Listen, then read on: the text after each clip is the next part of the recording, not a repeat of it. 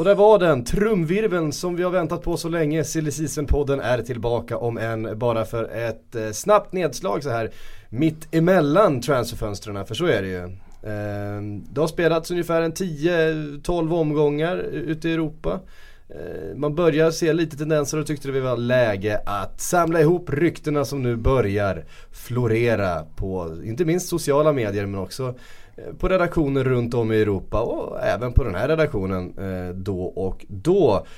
Till min hjälp så har jag Kristoffer KK Karlsson och Patrik Sjögren, Silly rävar Ja, sen gammalt. Känns det mäktigt att uh, vara tillbaks i Det känns fantastiskt, fantastiskt. Det är lite nostalgiskt nästan. Man mår lite bra. Det känns som det, det är på gång nu. Mm. Jag tycker vi är helt rätt ute med ett nedslag här inför vad som komma skall. Intressant. Precis, det finns ju en hel del att prata om. Jag tänkte vi, vi gör så här som vi brukar, vi går igenom de stora ligorna. Mm. Ehm, många rykten är ju, det är mycket sånt där. Alltså där, de här lösa ryktena är ju ofta du vet, en stjärna från en liga ska bytas mot en stjärna i en annan liga. Så ska alla bli nöjda. Och det är de ryktena som är, egentligen aldrig stämmer.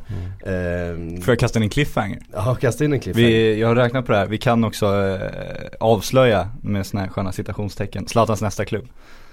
Ja vi kan göra det. Ja absolut. Ja. Vi, vi, vi, vi, har räknat. Vi diskuterade ju på fin, det igår. Finns en teori. Ja absolut. Den kommer. Vi, återkommer till den.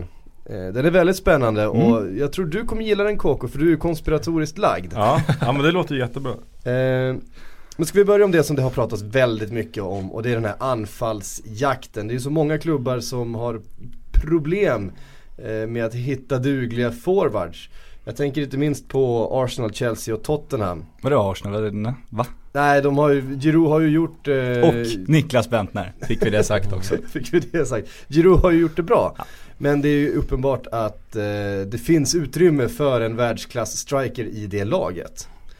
Det har, vi har ju spekulerat lite kring det, vad hade hänt om Suarez hade anlänt i somras till Arsenal med eh, då hade ju förmodligen inte Özil kommit. Å andra sidan så att det är ju väldigt hypotetiskt men Eh, lägg till en, en världsklass forward till det lag de har och eh, då hade det sett väldigt bra ut. Och kanske bänken som är störst behov av en världsklass forward snarare än startelvan där till och med. Men de behöver ju kunna rotera lite om de ska lyckas även i Europa och det går inte riktigt att bara hålla sig till Giroud och Niklas Bentner då. Mm. Och det finns ju ett antal namn som det har eh, surrats en del kring. Lewandowski, eh, Llorente, Benzema Mangala, Balotelli är några sådana namn som har eh, florerat. Och eh, när det gäller Balotelli så är det väl i första hand Chelsea.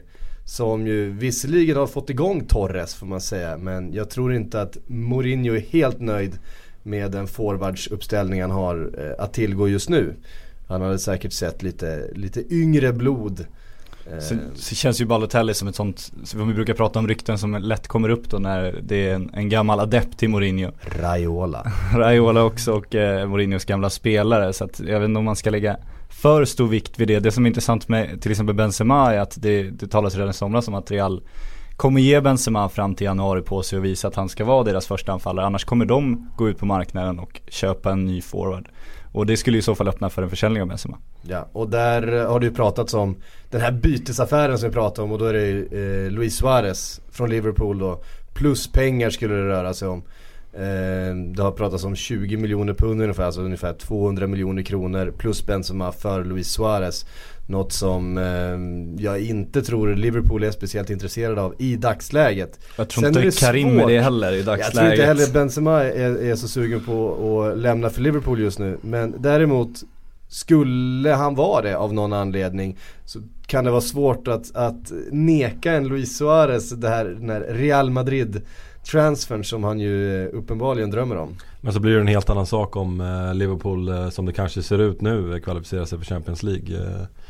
Och en Benzema i Liverpool Då ska man tänka på att han har haft otroligt svårt att hitta nät Både i Real Madrid och franska landslaget. Och eh, Just det här måltorkan som har rått i det franska landslaget när han spelade tio matcher tror jag utan att göra mål eh, Att det liksom Det bevisar att hans måltorka i Real Madrid inte bara är liksom någon fluk så att säga. Utan att han har grova problem med att göra mål nu för tiden. Även om han har gjort eh, ett par här på sistone i storvinster.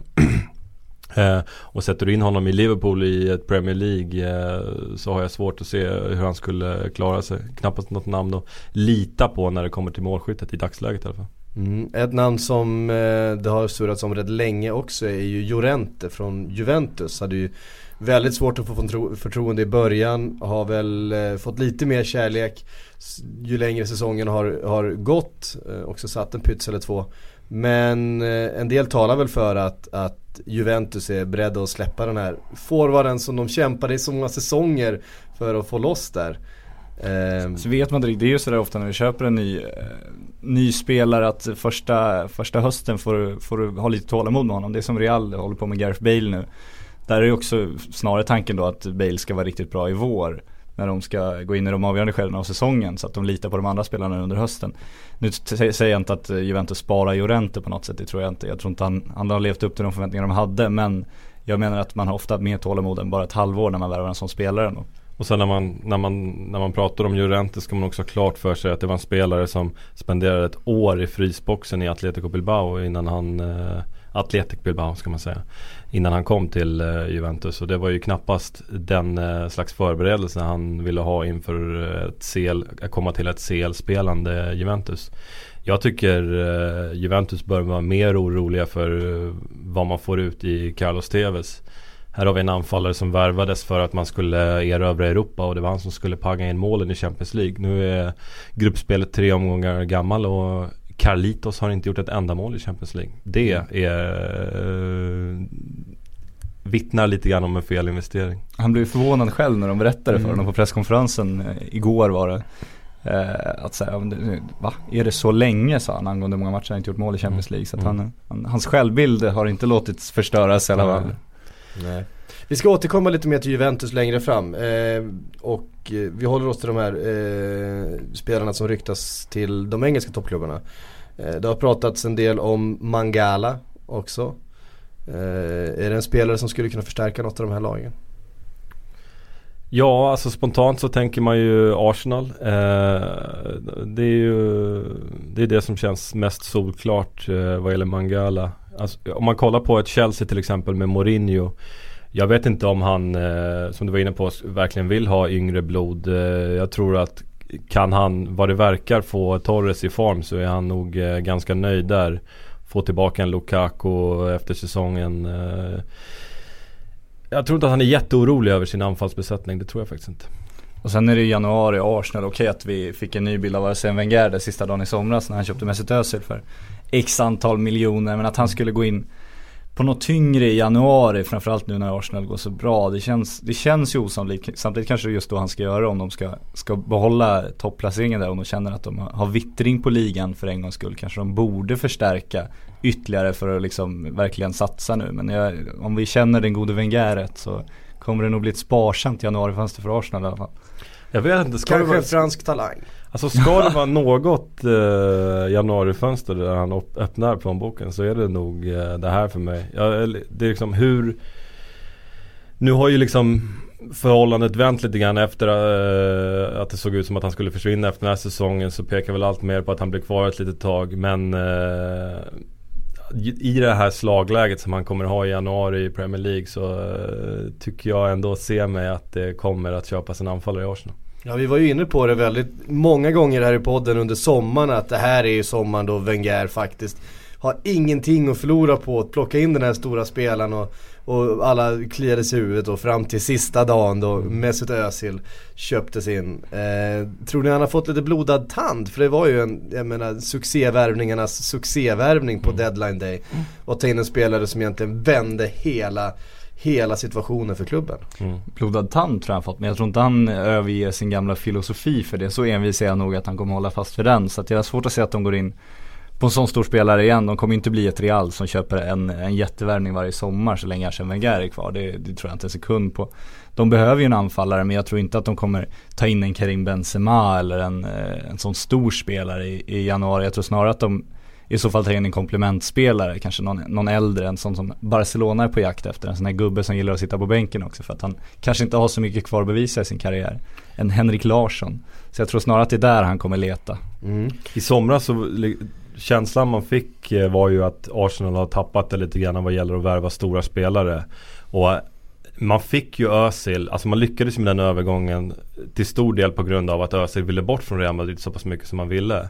Det är svårare, det hade varit svårare för Arsenal att förhandla fram någonting där spelaren inte ville bort så pass mycket som Özil ville.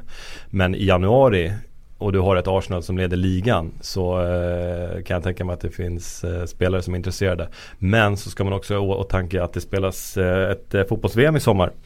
Eh, vilket gör att eh, man måste betänka att spelare som eh, ska spela VM i sommar inte gärna vill byta klubb i januari. Det är, det är inte ett miljö. Så, så tillvida att de får speltid? Det, ja. det, det som skulle kunna vara en, motiv, en, en motivation för mm, de spelarna är om Precis. de inte får den speltiden de vill ha. Då dyker de ju. Då, då, då, då kommer de, eh, åtminstone agenter och så vidare, mm. eh, eh jobba ganska hårt för en eh, försäljning. Det, det, det, det, spetsar ju situationen lite grann. Du har två sidor av myntet mm. där. Att få en spelare som under, eh, under hösten här har pangat in massa mål och startat massa matcher. Det det kommer bli jättesvårt i det här fönstret men eh, däremot någon som hamnat lite utanför, där finns det alla möjligheter. Man tänker på en Juan Mata till exempel. Precis. Eh, kommer vara väldigt intresserad av att spela VM ja. i sommar. Eh, och en, eh, en vår på bänken i Chelsea lär väl inte eh, han... Vad, vad, vad, det, vad, det han, vad det han ser som, som förberedelse? För det är, rätt, det är ju rätt så tuff, tuff konkurrens på det spanska mittfältet. Tycker du det? Ja. ja men han måste ju, antingen så ska han ju få löftet av Mourinho att du spelar i vår eller så måste han ju nästan bort. Och det är då det blir så svårt för Juan Mata för att Känslan är att Chelsea kommer ju inte släppa Juan Mata inom England. De vet ju ändå hur bra han är. Och då är det ju väldigt, väldigt ont om alternativ. För han, Barcelona har ju inte plats för Juan Mata. De har ju redan spanska landslagets mittfält. Och sen eh, ska du gå till Real då. Det känns inte riktigt sannolikt nu när de, de släppte Özil för att de har det lite för trångt på sitt mittfält. Och eh, slänga Juan Mata till Tyskland, det är om eh, Pep skulle vara sugen på spanjor men då kommer vi återigen till Bayern Münchens mittfält som nästan är värre än, än Barcelonas. Ja. Så han har ju vissa problem där. Det finns ingen riktigt solklar räddningsplanka för honom som det ser ut idag. Mm. Det ska vara PSG. Ja det är PSG som det, som det ju har pratats om. Mm. Ett PSG som eh, Javier Pastore mm. inte riktigt har eh, fått så mycket förtroende utav Blanc. Eh, sen den franska tränaren kom in där. Och det har ju ryktats också om att Pastore då ska vara på väg ut om man vill ersätta honom med till exempel en Juan Mata.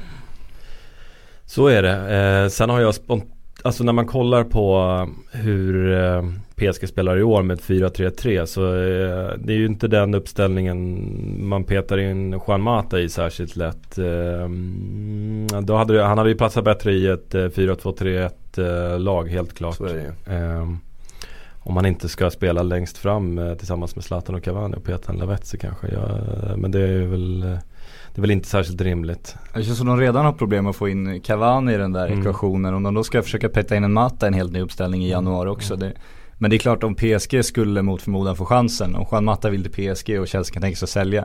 Då är det ju en sån situation där att du, du måste egentligen strunta fullständigt i om han passar ditt lag eller inte. För det här är en så pass stor spelare att då måste du slå till och du måste försöka anpassa ditt lag. För att det är sådana här chanser som inte inte ens kommer så ofta, inte ens för PSG. Det som är, blir problemet för PSG för de har ju en kille från Rosengård som man också måste anpassa laget efter. Mm. Eh, och en, en, kille från eh, Uruguay som man också måste anpassa laget efter. Eh, och så vidare va. Så att eh, man får inte ha för många sådana spelare i laget faktiskt. Om jag får vara lite konspiratoriskt igen. Vilken skräll. ja. Så är det ju, det heter ju att eh, Mourinho inte vill satsa på Mata Eftersom att han tackade nej till att värva honom till Real Madrid. Och att det skulle vara en prestigeförlust att liksom eh, spela honom i Chelsea. I och med att han eh, nobbade honom till Real Madrid. Och då tänker jag Florentino Perez kanske eh, plockar in Mata nu när Mourinho är borta. Eh, för att göra honom till någon slags världsspelare i Real Madrid. Det hade ju varit en enorm peak till Mourinho som sa nej till Mata i Real Madrid. För där pratas det ju också om en, en mittfältare i Real Madrid som verkar vara sugen på uh, att lämna det, uh, Kedira. Som ju ska vara väldigt missnöjd med förlusten utav Özil. Och uh, för de är ju även utanför planen väldigt De är väldigt tajta nära, tyskar, märker det Özil i Arsenal också. Vänner. bara tyskar som hänger tillsammans i Arsenal också. Så att. de, de är väl lite sådana, speciella tyskarna. och där pratas det ju om Chelsea precis som vi sa, att eh, Mourinho ska vara intresserad av att få eh, Kedira och då i så fall offra Ramirez nu är vi, nu är vi Mm. långt fram i, eh, i resonemangen här men, men det är så då, diskussionerna har förts. Det känns som en, en jobbig affär för den lilla, fra, eller lilla utväxling man får på den. Det känns Mm, som det är det som precis. avgör om, om Chelsea kommer vinna Premier League eller inte om de byter Ramirez mot Khedira. Nej, alltså jag älskar eh, Khedira och jag kan sympatisera med honom i Real Madrid. Eh, när han pratar om att han eh, eh, Han görs till skurken i, eh, i Real Madrid eftersom att han är utlänning och eftersom att han var väldigt tajt med Mourinho. Och att han därmed har, och eh, i och med att Özil lämnat nu också, blir liksom deserterad i, eh, i Spanien. Jag kan sympatisera med Khedira, jag tycker han är fantastisk eh, och ska spela varje helg för Real Madrid. Men samtidigt så är ju Ramirez också helt fantastisk. Så eh, som Patrik är inne på, det är inte särskilt mycket utväxling i ett sånt byte rakt av. Nej så är det ju. Ehm, om vi, vi har, Fotbollspolitik i så fall, är det Mm, man får syssla precis, med. Mm. precis. Ehm, om vi, ehm, vi ska ta upp ett par grejer till från England och vi stannar lite vid Arsenal därför att det pratas om, en, nu pratar vi en Arsenal-värvning. Ja. Clement Garnier från eh, Lyon. Nu är vi realistiska. Nu är Bra. liksom 22-åring, eh, offensiv mittfältare.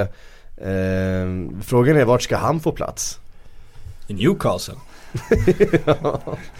ja, nu är vi eh, Nu är vi inne i Arsenals svängar och att värva spelare som man kanske egentligen inte behöver. Det var det man gjorde eh, i Özil lite grann. Nu är det en så pass världsklasspelare att eh, det har fallit väl ut ändå. Men eh, det finns ju hål i det där laget på andra platser än eh, den offensiva mittfältsrollen.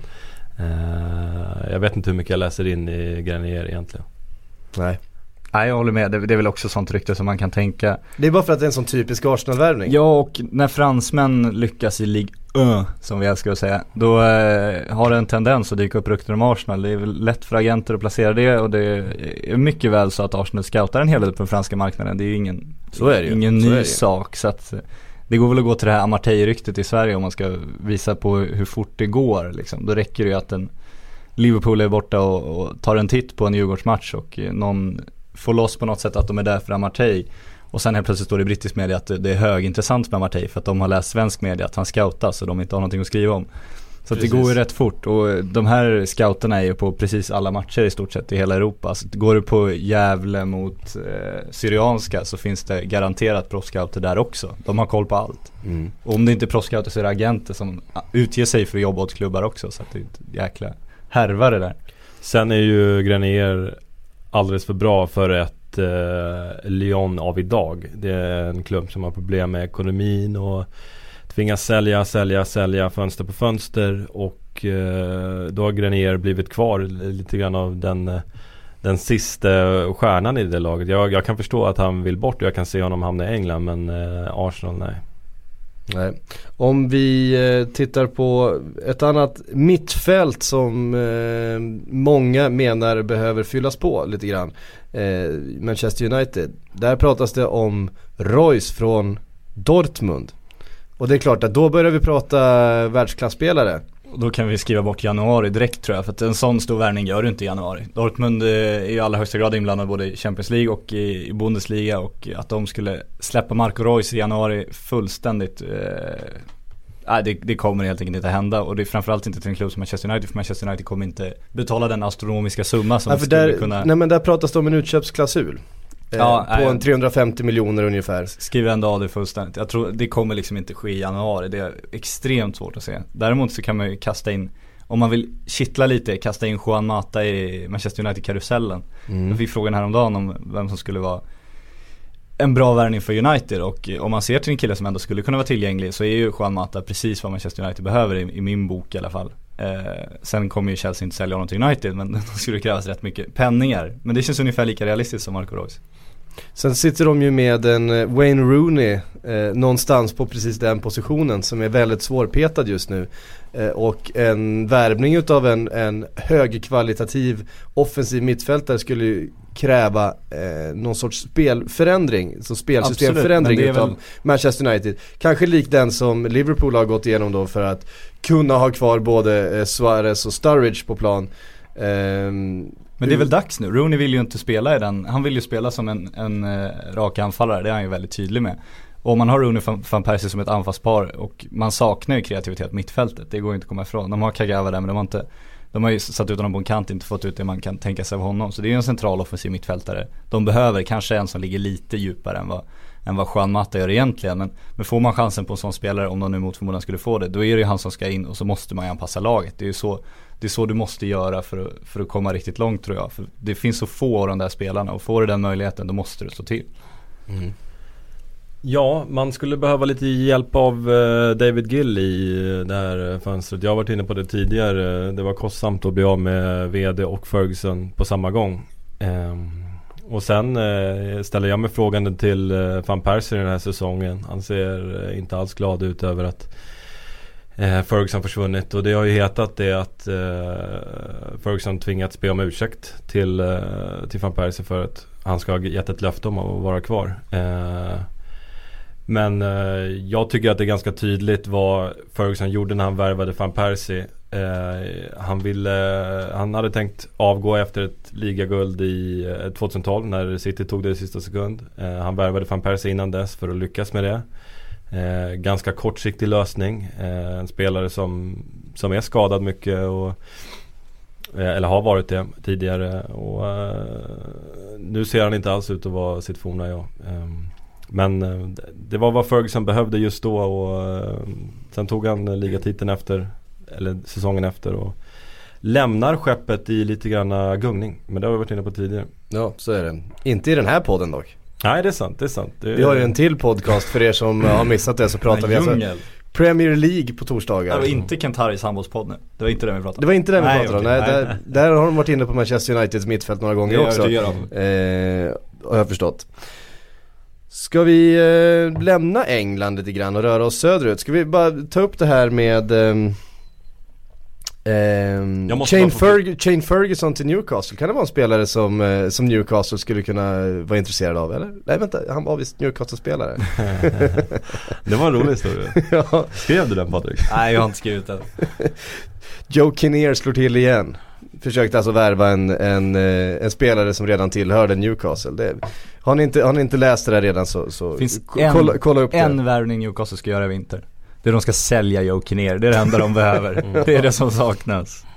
Men vi kommer komma in på Newcastle lite senare tror jag för att vi rör oss ner till Italien där Juventus ryktas eh, vara beredda att släppa Vucinic. Eh, och där Newcastle ska vara ett av lagen eh, som är intresserade. Man måste gilla det här nu, då, då är alltså, du får Carlos Tevez kritik eh, Det ryktas samtidigt att de ska göra sig av med Jorente och Vucinic. Det är lite spännande då.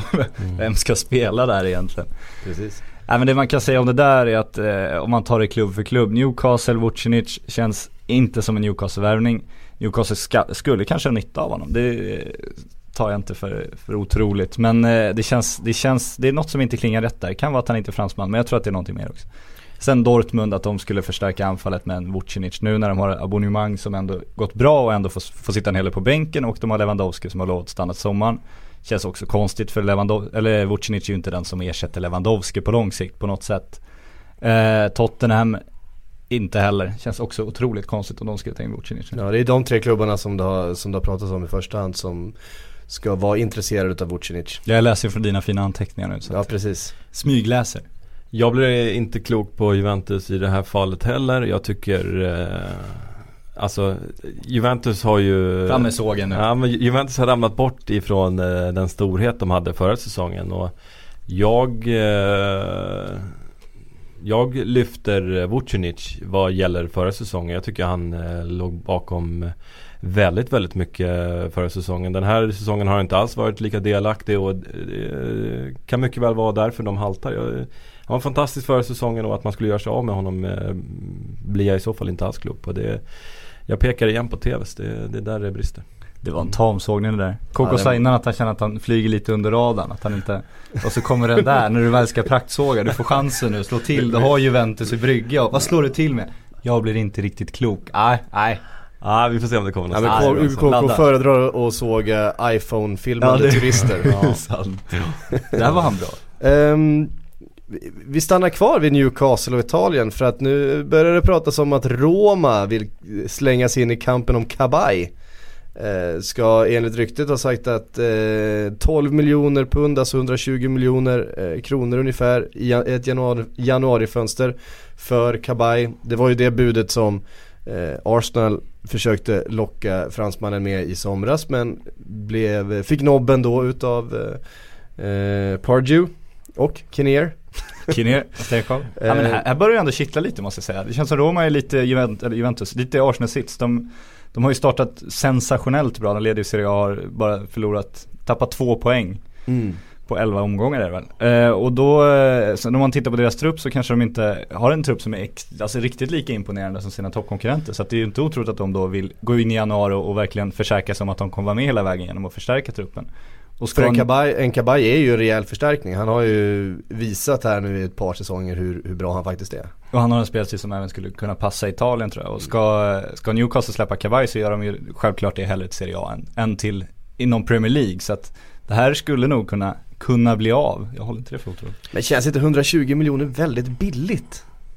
Det gör det speciellt eh, Han har ju ändå ett par år kvar på kontraktet Speciellt med tanke på att det är precis det Roma behöver i dagsläget. Vi hyllade Roma i somras för att de gjorde väldigt bra affärer. Man sålde dyrt, man plockade in billigt och då har det gett utslag i, i Strotman och eh, eh, Jajic och eh, Just vad, vad, har vi? Uh, ja vad var det, de värvade ju aldrig uh, Gilmas till exempel som det var snack om. Nej men eh, det var det jag skulle komma till angående Roma är att det har sett jättebra ut på kanterna. Eh, det, det är kantspelet som har gjort att man, eh, man har den här streaken som man haft i inledningen av säsongen. Och kan man där få in en Kabaj centralt så erbjuder det en till dimension till ett Roma som redan varit fantastiska. Så kan man få honom för 120 miljoner så har man gjort en kanonaffär. Och det kan ju vara så att Kabaj han var ju otroligt besviken på Newcastle när han inte fick gå till Arsenal i somras. Och var väl inte, ja det var, var lite strejk och lite annat. Eh, och det kan ju ha förekommit så att det var, att det blev en muntlig överenskommelse. Det slutar ju ofta så att, ja men om vi, om vi får ett bud på si och så många miljoner från utlandet då, då får du gå liksom. Om du nu bara skärper dig och liksom gräver ner stridsyxan och, och kommer igång igen. Så att det, det kan mycket väl vara en, en liten ful deal de har gjort där också. Mm. Um, och Juventus har vi varit inne på.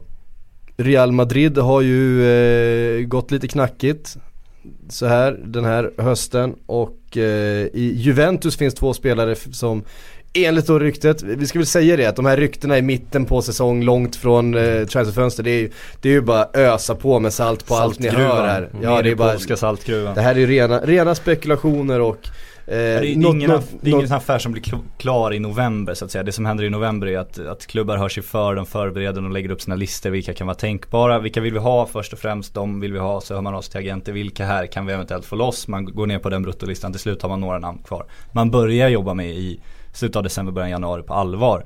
Men det man kan ta ryktena nu det är ju spelare som scoutas och som eventuellt finns på de här listorna då. Så, att, så är det. Och vi gillar ju att spekulera. Och på Real Madrids lista ska Arturo Vidal och Paul Pogba, inte helt över, överraskande, det är två helt okej spelare, eh, då finnas eh, för Real Madrid. Eh, två spelare som jag är helt övertygad om skulle eh, vara ett lyft för den klubben. I dessa tider av, eh, eh, av nöd, eller vad säger man? Of want. Ja, eh, Vidal har ju varit eh, aktuell tidigare för Real Madrid. Eh, Pogba lite nyare på den fronten. Eh, men då kanske jag ska dra fram sågen här för eh, ja, ja eh, Real Madrid borde ju förstås ha värvat en anfallare i somras. Man borde ha värvat en Zlatan Ibrahimovic till exempel. Istället så har man en Benzema som inte har gjort mål där längst fram. Fått förlita sig på Cristiano Ronaldo och matchat Isco alldeles för hårt. Isco spelade Alltså, han värvades från Malaga som ändå är liksom en provinsklubb. Och gick rakt in i startelvan och eh, matchades alldeles för hårt och nu, eh, nu är han inte sig själv lik längre. Eh, man borde helt enkelt ha köpt en anfallare och där gör man bort sig. Man kollar, man stirrar blint på Galacticos, man värvar Bale och matchar också honom för hårt. Eh, också skadad. Det är, har inte gjort ett enda rätt i Real Madrid under den här säsongen. Eh, med start i somras. Eh, där Perez var alldeles för galen. Vad hela Bale. Nu är sågen vass, sådär Han var alldeles för galen, ja men det är underbart Inte ett enda rätt, mm. nu är han igång, det är bra Ja men om vi då pratar om de här eh, anfallarna som vi nämnde tidigare, Lewandowski till exempel. Kan det vara så att, om, om det nu inte är som ryktet sades eh, tidigare år att, att han faktiskt är klar för Bayern München, för så verkar det ju inte vara. Han, han är ju Eh, dum om han skrivit på för Bayern München redan för att även fast han ska till Bayern München så har han ju en ännu bättre förhandlingssits nu. Så att om han redan skriver på något förhandskontrakt där, det tror jag, så har han en riktigt usel agent. Det som man borde göra är ju att vänta och sen gå till Bayern i januari och säga tjena, jag har Real på linan, jag har eh, X antal klubbar i England på linan, vill ni verkligen ha mig? Ja, då kan vi prata lön nu. Han har ju dubbla agenter så man kan ju tycka att de borde göra dubbelt så bra Någon jobb borde tänkt där. Nej, men det känns som en så här, alltså om Real har panik, vilket de mycket väl kan ha när vi är framme i januari. Barcelona kanske har seglat ifrån ytterligare lite, de kanske har lite problem i, i Champions League. De måste ju, de måste ju förstärka med en anfallare, det sa vi ju som sagt redan i somras. Och Lewandowski har bara ett halvår kvar på kontraktet. Och Dortmund, om de då får ett riktigt bra bud så att de faktiskt kan få lite pengar för Lewandowski. Då, eh, absolut. Men det är inte per, per Guardiola som är agent till Lewandowski va? För då vet vi det här med klausuler och kontraktsläsande, det är inte alltid, det, Det, är inte alltid stort A i, i, betyg. jobb. det är inte den gode Pere. Sen är ju frågan eh, om Bayern München. Jag kan förstå att han ville till eh, Bayern München under Heinkes. Men eh, ett Bayern München under Pep Guardiola är ett helt annat för en anfallare. Det är nästan Det är ett lag man inte vill vara i som anfallare. Där är platserna få och eh, framträdandena sporadiska. Det ser vi bara i Mandzukic som eh, var fantastisk förra säsongen men tynar bort under Guardiola. Han gillar ju mittfältare Guardiola, han har Mm. ju gärna mittfältare i anfallet också. Så att, Thomas Müller. absolut. Ja. Nej men jag håller med och det känns som, eh, men Lewandowski, det kan bli den stora transfern i vinter ju, För att det är ju Dortmunds sista chans att få riktigt betalt för honom. Och de höjde hans lön, de tripplade hans lön där för att han skulle stanna det här sista kontraktsåret och då kan de ta tillbaka de pengarna också. Det beror ju lite på hur det ser ut för Dortmund också. Om de känner att de verkligen har hängt på Champions League. Då kanske de väljer att, att behålla han som en investering. Har de däremot, de har ju en riktigt tuff grupp. Skulle de försvinna där, då tror jag mycket väl att Lewandowski försvinner i januari också. Ja, vi, jag får hoppas för uh, Lewandowskis skull att han inte skrivit på det där förtidskontraktet. För det är ett felbeslut enligt mig. Mm. Det är tvära kast. Vi var i Italien, hamnade i Spanien och nu är vi i Tyskland. Mm. Så ska det Eh, vara. Sådana globetrotters. Ja precis, vi går tillbaks till Italien tycker jag. Eh, och Milan. Som ju har eh, gott om eh, talang i laget men saknar lite rutin och eh, erfarenhet.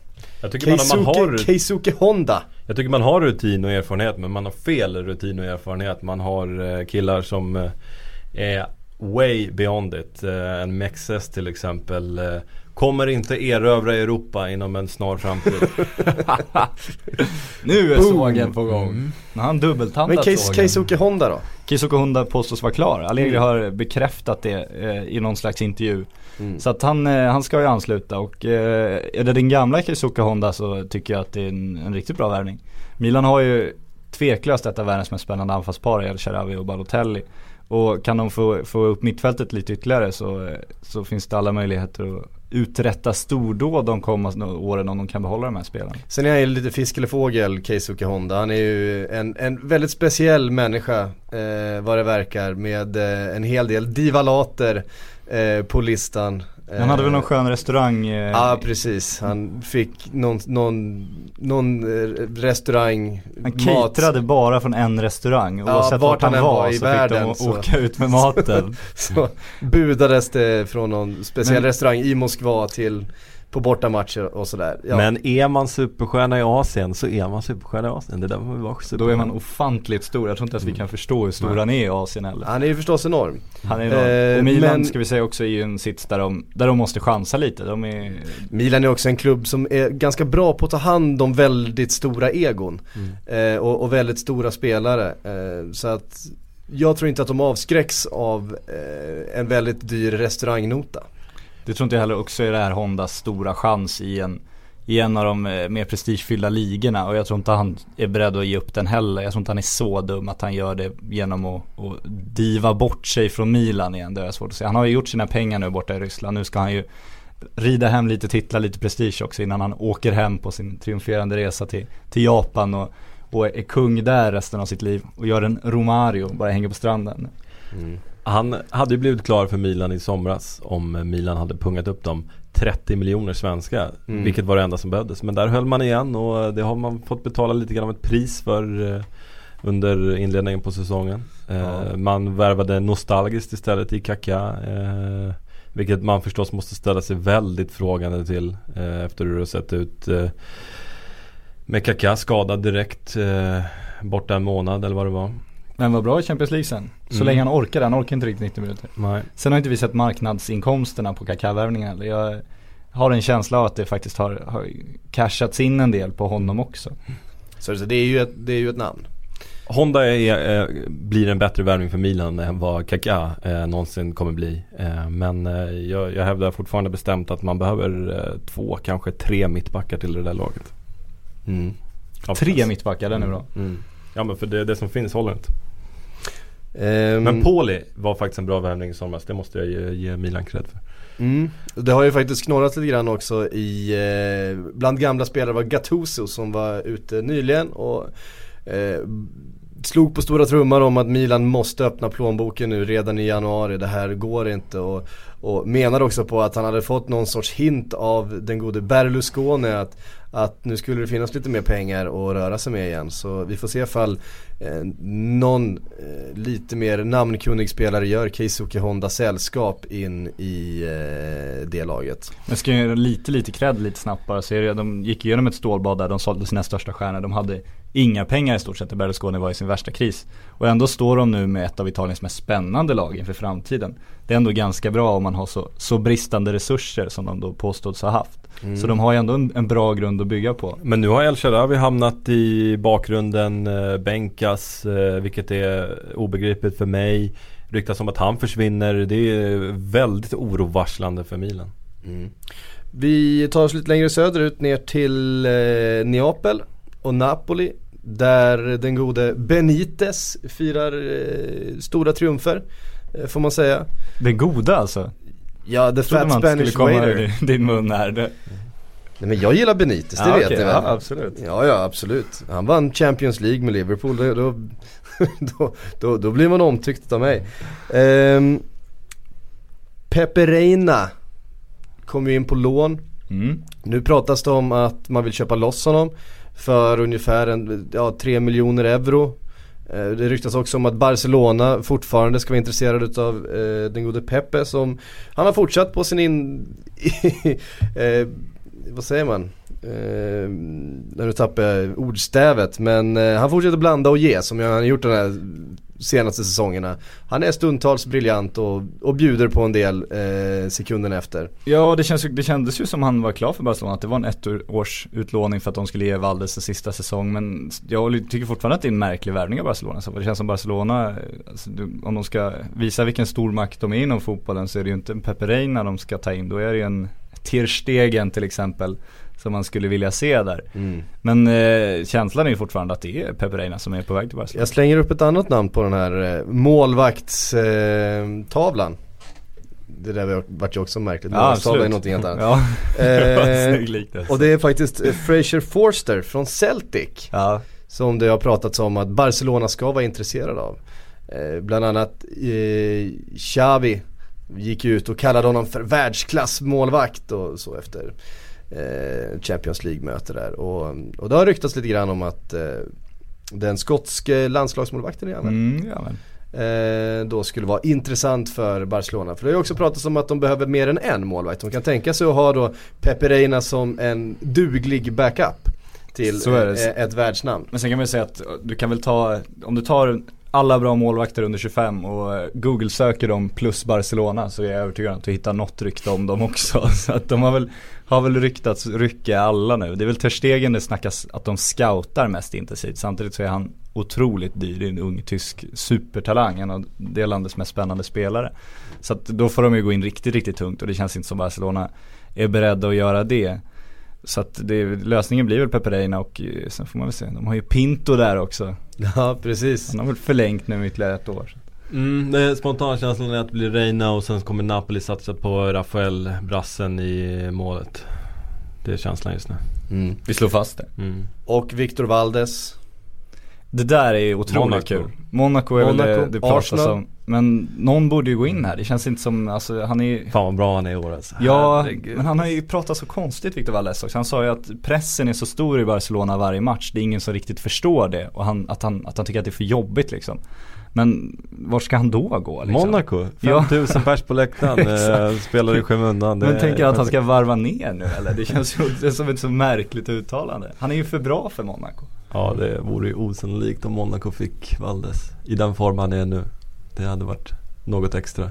Mm. Det känns som det är många, många klubbar som borde gå in. Vi såg ju det när den här Ballon d'Or-listan kom att det var ju bara en målvakt med, det var ju Manuel Neuer. Mm. Och så satt man det måste ju finnas fler målvakter tänker man. Så sitter man och funderar, vilka målvakter har verkligen imponerat? Vilka är det som liksom bär sina lag? Och det är otroligt ont Jag kan dem. säga en målvakt som bär sitt lag. Shoot. Willy Caballero. Han bär Malaga. Herregud vad dåliga Malaga är. Ja, men får vi på köplaget Men- Malaga igen här. Säljlaget får, får, vi Malaga. en Malaga-rant nu då om eh, januarifönstret? Händer? Vilka försvinner? Vad som kommer hända? Eh, Santa Cruz kanske drar eh, Le- sista- lever han? Ja han lever, han lever. Han är den, den sista Galacticon inom det hartaste i eh, Real Madrid som är kvar. Eh, eller eh, i Malaga som är Åh vad kvar. Rocke skulle vara glad om du, han visste att du kallade honom en galaktiker. Ja, så det hade inte förvånat mig om han stack i januari.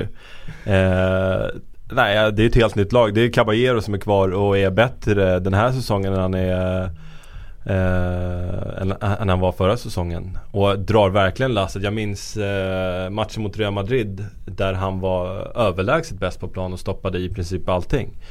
Det här är en kille som, eh, som jag håller som topp 5 i Europa målvakter. Willy Caballero. Och han har ju ryktats till Manchester City nu.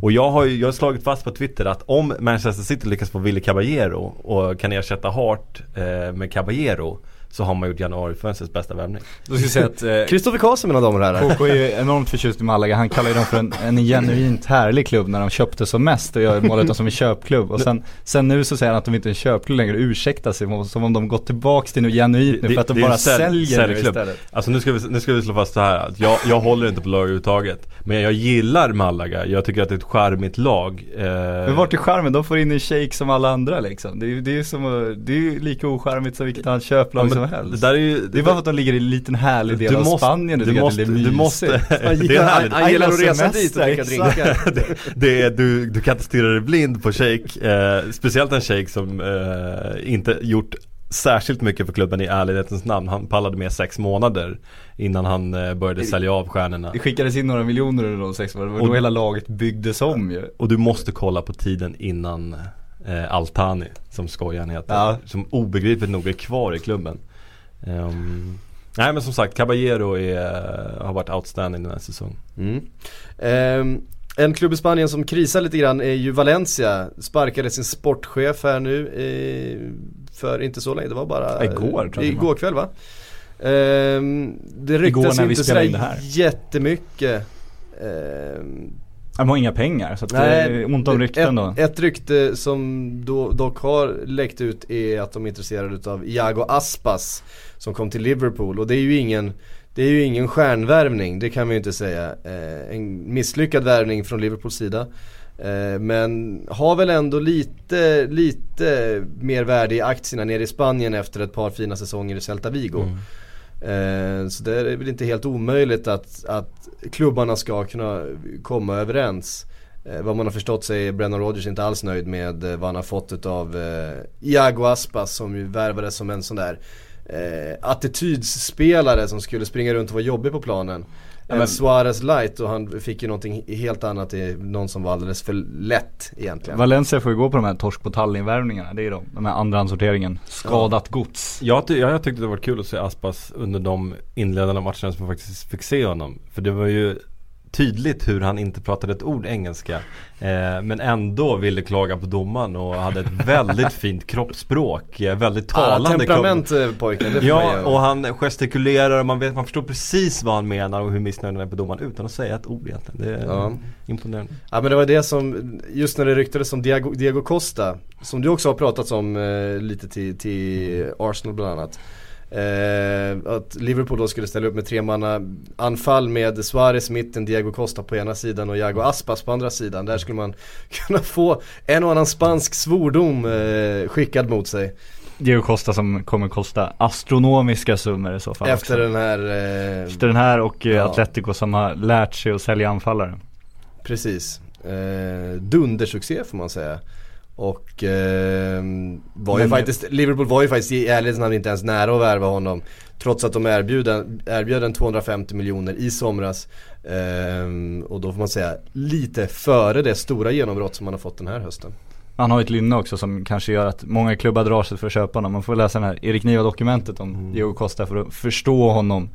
Och det, det är ju inte den som den timida killen som man sätter in i omklädningsrummet bara utan att det händer någonting med stämningen. Ja Och nu skit, skjuter han kanske VM-guldet i Spanien i sommar. Ja det Ja, vet det får man sämre- inte. det sämre. Det, ja, det mesta pekar på att han gör det. Ja, det, och han är väl persona non grata i, Brasilien, i, Bras- i, ner, det och joggar runt två, två landskamper sen byter han till Spanien. Ja, han ser ut att precis. bli av med medborgarskapet till och med i Brasilien. Så det, Ja. det kan vara tufft för honom att återvända. Han verkar ju inte vara en, en, en människa som bryr sig speciellt mycket om sådana petitesser. Han bara kör. Han bara jag, kör, jag ja. såg videon dock som Atletico Madrid publicerade med honom på hemsidan. Han fick förklara sitt beslut och jag tyckte han såg genuint eh, Genuint känslosam ut i det talet till det brasilianska folket. Eh, Ja, jag tycker mig ändå se lite grann av en, eh, en ödmjuk människa. Den 26 tagningen satte han där. Då kom tårarna. Var det Något, då, något i den stilen. var då någonstans som han eh, fällde den där lille grabben som hade fått eh, lov att, har ni sett den, det klippet? Ja, det jag känner inte igen. Ja, det är en liten grabb som har fått lov att vara med på, eh, på träningen där i Atletico Madrid och står och trixar med en boll på och helt plötsligt Diego Costa kommer och fäller honom bakifrån och tar hans boll och garvar åt honom. Mhm. Vad får grabben ge honom fingret?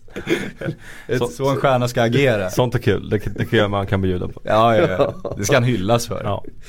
Ehm, vi har ju fått en del frågor också på vår eh, gamla fina hashtag Sillypodden. Innan frågorna. Ja, Jag var inne på att Real Madrid inte gjort ett enda rätt i sommar och under den här säsongen. just det. Eh, och vi var inne på Napoli också. Iguain och Callejon som båda gör succé i Napoli. Eh, där har du ännu mer felbeslut att släppa de spelarna. Du, jag menar du släpper en Iguain och har kvar en Benzema. Det är ganska tydligt eh, vilket sorts beslut det var. Felaktigt. En Özil. Fel. Mm. Kommer Eh, vi till Zlatan-ryktet snart? Zlatan-ryktet, ja ska vi ta den? Ska vi riva vi, av vi, det? vi, Jag kliver, vi kliver in här nu, nu, Ja. nu har vi låtit våra lyssnare hänga på eh, halster, säger man så? Repen. Ja. Ja, hur som helst, kör! Kör! Ja, men det är härligt Messi, eller Messi-uppgifter från början som kom i, spanska Sport tror jag, och sen skrev det först, El Mundo också, tagit upp det att eh, Adidas försökte köpa loss eh, Messi från eh, Barcelona i somras för att eh, Barcelona sponsras av Nike och eh, Adidas vill att Messi ska spela i en Adidas-klubb. Och då ska de alltså ha gått med på att betala hälften av hans utköpsklausul som totalt är på 2,2 miljarder. Alltså 1,1 miljard. Samtidigt som Bayern München påstås det var, eh, skulle betala andra halvan, den andra 1,1 miljarden för att få loss Messi då. För att eh, Adidas eh, ha honom i en Adidas-klubb. Och man kan tänka sig den, den publicitet de skulle få då. När de gör den största transfern i fotbollshistorien. Och liksom, eh, och flyttar på världens bästa spelare. Bara den publiciteten skulle ju vara värd mer än 1,1 miljard. Så att det finns ju någonting där att de försökte, de ska då ha försökt, Bayern München ska, de ska ha fått budet accepterat eftersom de mötte utköpsklausulen men Messi ska ha sagt nej. Och då har ju vi då lagt vårt eget pussel kring Zlatan Ibrahimovic. Jag och Psyk satt och Exakt. spåna på det här. Något med Nike alltså. Något med Nike, Zlatan har ju Nike som sponsor, en av hans få sponsorer och eh, han, om man ser hans karriärsväg efter Ajax så är det ju uteslutande Nike-klubbar fram tills att han var tvungen att gå till Milan efter Barcelona-grälet där. Så han har ju valt Nike-klubbar hela tiden, han gick till PSG, också en Nike-klubb. Så är det. Och då ska ju Zlatan flytta en gång till har han sagt efter PSG. Då vill Zlatan åka till USA. Hela amerikanska ligan sponsras av Adidas. Alla har Adidas som tröjsponsor. Utom, Utom. från och med nästa år, nystartade New York Cosmos som alltså är ett samarbete mellan New York Yankees och Manchester City. Precis. Har nästa år Nike som tröjsponsor. Och ska vi ytterligare göra det här lite roligt då. Då kan man ju tänka så att det finns ju en, en liten off-season, en skeva lite den amerikanska säsongen. Så de här riktigt stora stjärnorna i USA, Thierry Henry tidigare, David Beckham tidigare, har ju åkt till Europa under eh, off-season då för att spela lite, lite europeisk fotboll för att hålla formen igång. Om man då spelar i ett New York Cosmos som alltså delägs av Manchester City. Om då Manchester City eventuellt kan lyfta in en Zlatan under några månader bara för att krydda laget lite. Då är han i Premier League. Där har vi det! Det Där där har vi var ett väldigt imponerande pussel måste jag Tack, säga. tack, tack. Av till dig Sjögren, Tack, tack, av. tack, Vem, var det du och som hade lagt det? Jag och Psyk har lagt Ja. det. Det var väldigt imponerande. Men hatten av till. Patrik, eh, för den här sista pusselbiten, Ja. den, den, den står du faktiskt för, för på helt egen Den hand. föll på plats igår kväll. Ja. Underbart, eh, eller hur? Vi har inte så mycket grund i det här kan vi säga men det är Ingen som helst. Men man kan ändå säga, det visar, vad men tittar man på stora Det är ju gamla, alltså New York Cosmos för er som inte vet så var ju där Pelé bland annat eh, Mm. blev egentligen den enda fotbollsspelaren som den amerikanska befolkningen kunde under 30 år. Ehm, fram tills att man nu börjar liksom David Beckham, eh, vet nog de flesta vem det är. Kalsongkillen. Kalsongkillen ja. Men man kan ska inte underskatta sponsorernas inverkan och tittar man på riktigt stora transfers så, så kan man ofta lägga Nike och Adidas pusslet innan. Det är inte helt ovanligt. Jag tror Gareth Bale var väl den senaste att Mm. bli en sån.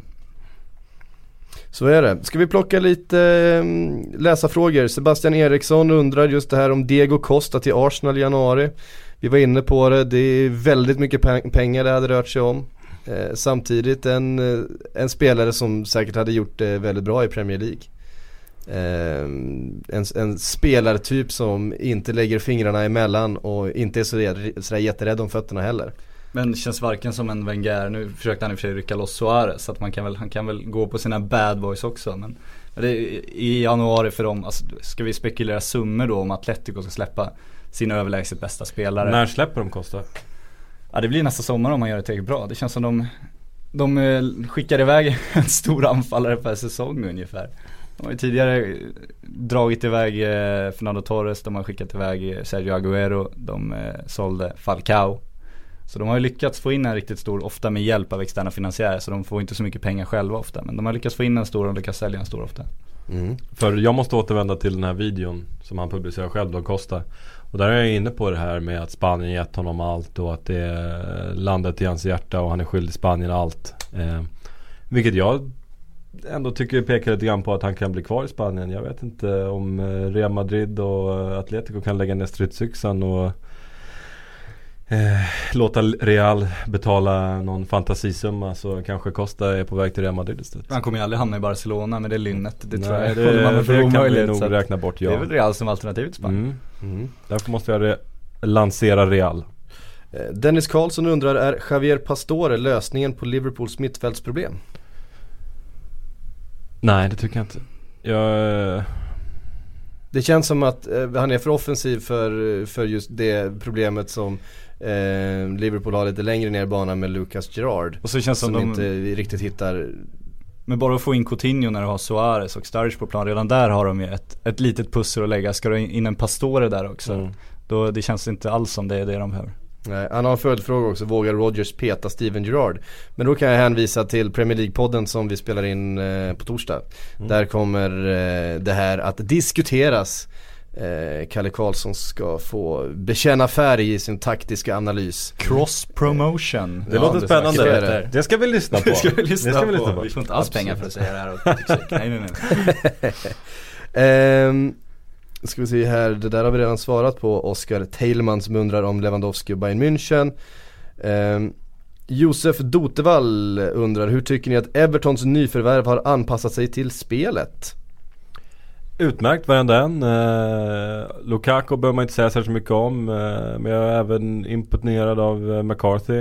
Eh, som kommer direkt från eh, Wigan och eh, och spelat varje match och gjort det jättebra. Jag, alltså de eh, Wigan-män som eh, Martinez har tagit in eh, har alla gjort det jättebra. Det är väl tryggt för dem att ha Martinez eh, direkt när de kommer till Everton. Det har varit, vi hyllade ju Everton också i somras med vad de lyckades göra på deadline day och det har fallit väldigt väl ut för Everton vilket man ser i tabellen också. Mm. Eh, Ted Ström, vi ska avrunda här alldeles strax för det finns de som vill in i rummet vi sitter i. Den här Eh, glassiga studion. Ja, så är det. Men Ted Ström eh, vill veta mer om anfallare till Spurs och eh, nämner Pato. Och det är ju någonting som det har skrivits en del om. Ehm, Brasiliansk media har ju varit inne på det att de, Ja. Corinthians eh, är beredda att släppa honom nu direkt. Och att han själv också skulle vara sugen på en flytt. Eh, det är väl också det där, går man till Alexander Pato så är det väl flera frågetecken än utropstecken just nu. Han har en enorm kapacitet som alla känner till men det är ju de här muskelproblemen också. Så att om man ska ta in Alexander Pato så tycker jag att man inte ska betala särskilt mycket. Men eh, som en joker så är han ju eh, absolut intressant. Mm. Han nämner också Chicharito. Svårt att se United släppa honom Så han var ju här ute och vevade nu. Ja. Chicharito gjorde en, en galen grej. Härlig grej på Twitter. Han Eh, retweetade en intervju som Sky Sports gjorde med Carlos Vela, hans eh, landsman och kompis. Där Vela säger att om Chicharito inte får mer speltid nu så måste han överväga att lämna United. Så indirekt så antyder ju eh, Chicharito själv då att ja men om jag inte får mer speltid så kommer jag lämna United. Det, det är hans alternativ. Så han är ju ute och protesterar nu och sätter verkligen press på David Moyes. Mm. Ja, i, med tanke på hur under isen van Persie faktiskt varit så eh, borde ju Chicharito helt klart fått fler chanser. Han har varit eh, Han tar dem ju ofta han, när han får dem. Ja, det är ju han så. är giftig när han väl eh, får chansen, vilket är sällan. Speciellt under Moyes. Mm. Eh, Anton... Men Damiao, när kommer han till Tottenham? Vart är ni va? Eh, Anton Edman undrar, eh, Tom Inns till Liverpool? Frågetecken. Ja, det senaste jag eh, hörde om Inns det var att eh, Var det Napoli som skulle kapa honom eller var det Roma? Eh, det, det, var, det, Utlandsintresse. var, det fanns ett utlandsintresse i alla fall Mm. ja, precis. Förstås en spännande, ett spännande prospekt. Ovanligt att en så ung engelsman går utlandet innan han får jogga runt i Premier League. Så att eh, jag tror han, han kommer nog hamna i Premier League snarare. Mm. Han spelar ju för sin, under sin far i Blackpool just nu, eh, Paul Ince. Det är också en speciell karaktär, vi som minns honom. Ehm, en del målvaktsrykten till City eh, skriver Oj, oj, oj, Erik. Tektor, det har vi varit inne på. Men Hamnar vi på Caballero igen? Ja, ja, ja, In med Malaga, med Malaga. han- Nämner han Caballero? han nämner inte Caballero, han nämner Casillas. Ja, Casillas ja. Casillas, som, intressant sits. Det påstår att det är presidenten som eh, Florentino Perez som inte vill spela med Casillas för att han inte har värvat Casillas för att Casillas var där innan han kom. Mm. Vilket ju kan vara det absolut dummaste jag någonsin hört i hela mitt liv. Vilket gör att jag absolut kan tro på det eftersom Florentino Perez är en av de absolut dummaste människorna jag någonsin liksom hört talas om i mitt liv. Och Perez Oj. är väl ganska övertygad om att Casillas är den här läckan till eh, Madrid Media också. Och det är han förmodligen kan man tänka. För hans Ja, han flickvän har ju- har ju varit ute och bekräftat flera uppgifter. Hon är ju journalist. Så är det ju. Så att eh, han har väl läckt en del och han hade ju sin agenda förra året när eh, José Mourinho hamnade i bråk med den här spanska gruppen med framförallt Sergio Ramos och, och Ike Casillas. Så att han hade väl anledning att läcka då också och kan vara väl indirekt en av anledningarna till att, till att Mourinho hamnar snett i Real också. Så det, han, är, han är nog rätt på det där Perez. Sen kanske man kan diskutera hur han hanterar det hela. Det kanske är lättare att göra Casillas lite nöjd och stoppa den läckan än att bara slänga iväg en klubbikon. Mm. Ska vi bara som av, avslutningsvis bara lyfta det här Daniel Amartey-ryktet också. Eh, det verkade ju inte vara så mycket med Liverpool som eh, många medier först ville göra sken av. Eh, men eh, försvinner han nu i januarifönstret tror ni?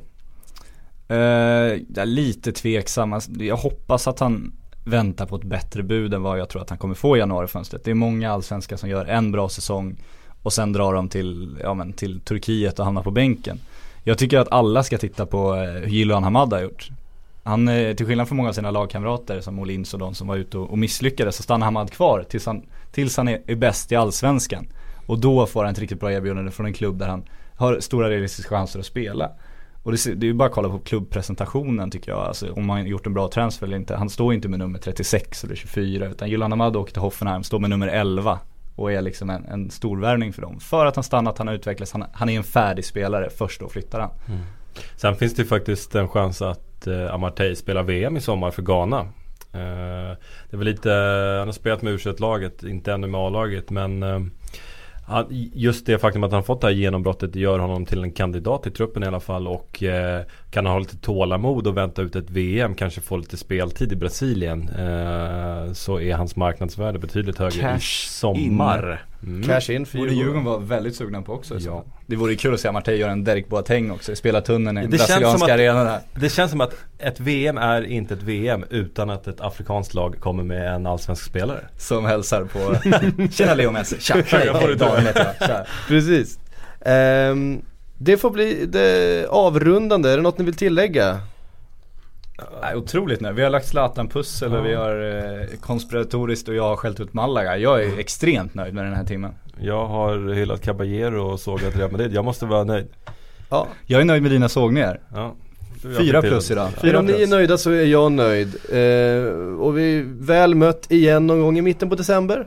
Då Vad kan vi tro? Då drar vi igång vi- igen. Mitten på december låter Det rimligt. pågår diskussioner om när Sillybloggen ska öppnas. Förra året öppnades den kring jul som en liten julklapp. Det, Mm. det finns påstötningar om att den ska dyka upp lite tidigare. Vi får se. Vi måste ju se ryktesflödet också. Mm. Ja. Och det är inte helt, inte helt upp till oss heller. Nej, men mest. Men mest. Det ska, vara, det, ska, det ska bli kul att ratta Sveriges största blogg igen. För den, den blir ju det ganska snabbt när vi drar igång den. ja. Ska bli trevligt. Det blir grymt. Tills vi hörs i vinter igen då så får ni lyssna på Premier League-podden så länge och sen får ni lyssna på alla våra andra poddar. Kent Harrys handbollspodd. Kent Harrys handbollspodd, NHL-podden med. Bjurman och Ekeliv, den är ju, den är ju världsklass. Världsklass. Men Jag gör även påtryckningar i dagsläget för en eh, golfpodd. vi får se hur det går med det dock. tills vi hörs igen, ha det fint, hej då.